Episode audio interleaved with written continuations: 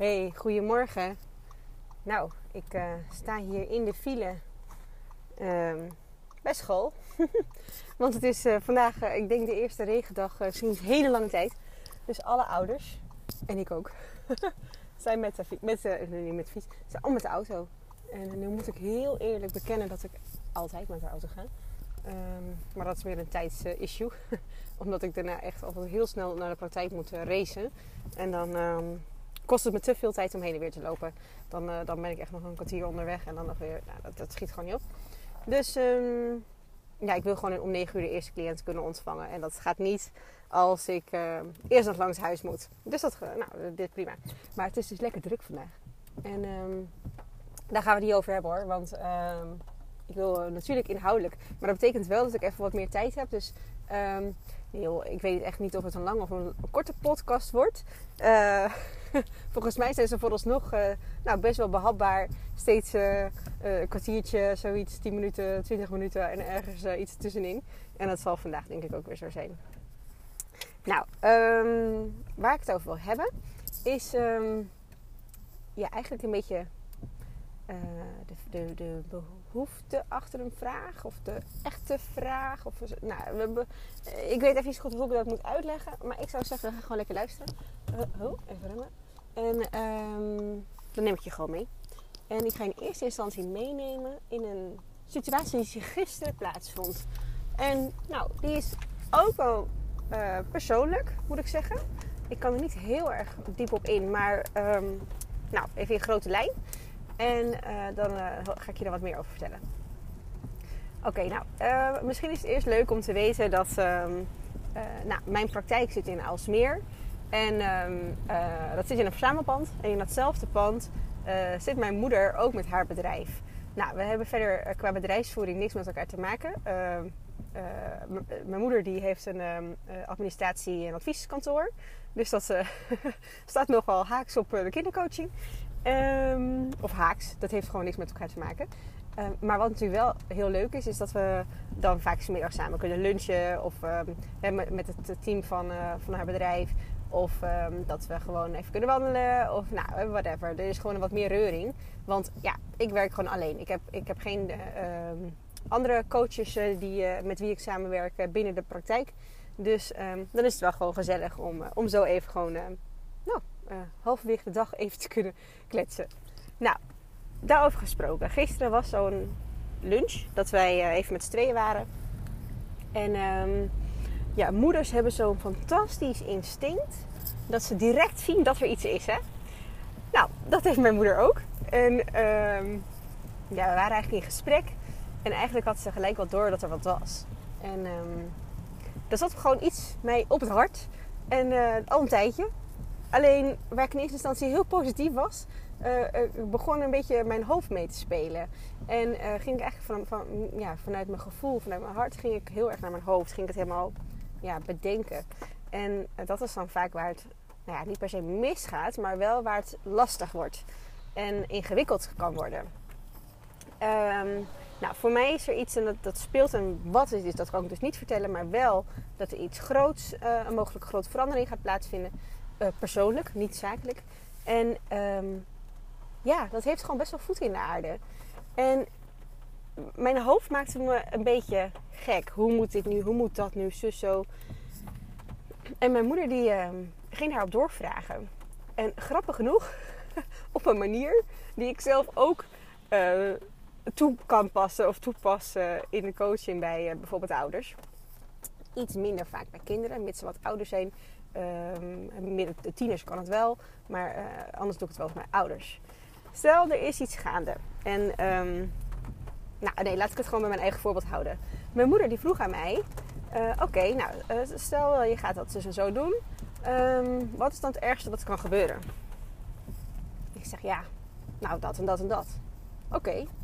En wat is dan nog, nog erger? Dus wat is er dan, als dat gebeurt, wat is er dan nog erger? Nou, dat ik uh, zus zo en zo. Oké. En hoe kunnen we dat oplossen? Of, of hè, en je zou hem zelfs nog verder kunnen vragen. En wat is dan nog erger? Dus wat je eigenlijk doet, is in feite de vraag achter de vraag zoeken. Of eigenlijk de, de kern. Hè? Van wat is nou eigenlijk het echte probleem? Wat is nou eigenlijk de echte twijfel, de overdenking, noem het maar. En ehm, nou, dat deed mijn moeder bij mij verrassend goed. En, eh, eh, dus ik moest daar ergens uh, enerzijds heel erg om lachen. Dat ik dacht, god, herkenbaar dit. En anderzijds was het ook weer confronterend. Omdat ik dacht, zo... ja, het laat je wel serieus goed nadenken. Want wat is nou eigenlijk je probleem? En die is soms best wel confronterend. Want iets wat in jouw hoofd ontzettend groot kan worden... kan als je het op deze manier uitdenkt in één keer hartstikke klein worden klein, niet per se klein, maar het kan wel in één keer heel overzichtelijk worden, laat ik het zo noemen. En uh, dat, dat gebeurde bij mij ook. En het werd in één keer allemaal super duidelijk en helder. En ik kreeg gewoon echt wel weer nieuwe inzichten. En met name ook heel veel rust. En dat is hetgene uh, waar je naartoe wilt. Dat je ervaart, oké, ja, maar ik geloof dat ik die hele erge erg wel kan handelen. En dat ik dat wel aan kan. En dat geeft rust. En als je denkt, ik kan het niet aan, dan kan je wel zoeken, oké, nou als dat dan echt het ergste is wat er kan gebeuren, hoe los ik dat dan op? Dus je kan veel actiever, veel oplossingsgerichter kan je te werk gaan. En dat is heel fijn, omdat je daarmee gewoon uh, ja, je, je hele twijfel weg kan nemen. Nou, en dat was dus ook wat er gisteren bij mij gebeurde. En uh, ik, ik, zal je zeggen dat ik eh, de dag daarna, waar ik eigenlijk in de ochtend een klein beetje liep te miepen met mezelf, uh, tussen de bedrijven door, uh, ging de middag echt soepel. En, en, zeer soepel. En ik kwamen nieuwe aanvragen en mooie gesprekken. En, ik had gisteren een vreselijk drukke dag. Echt van gesprek in gesprek.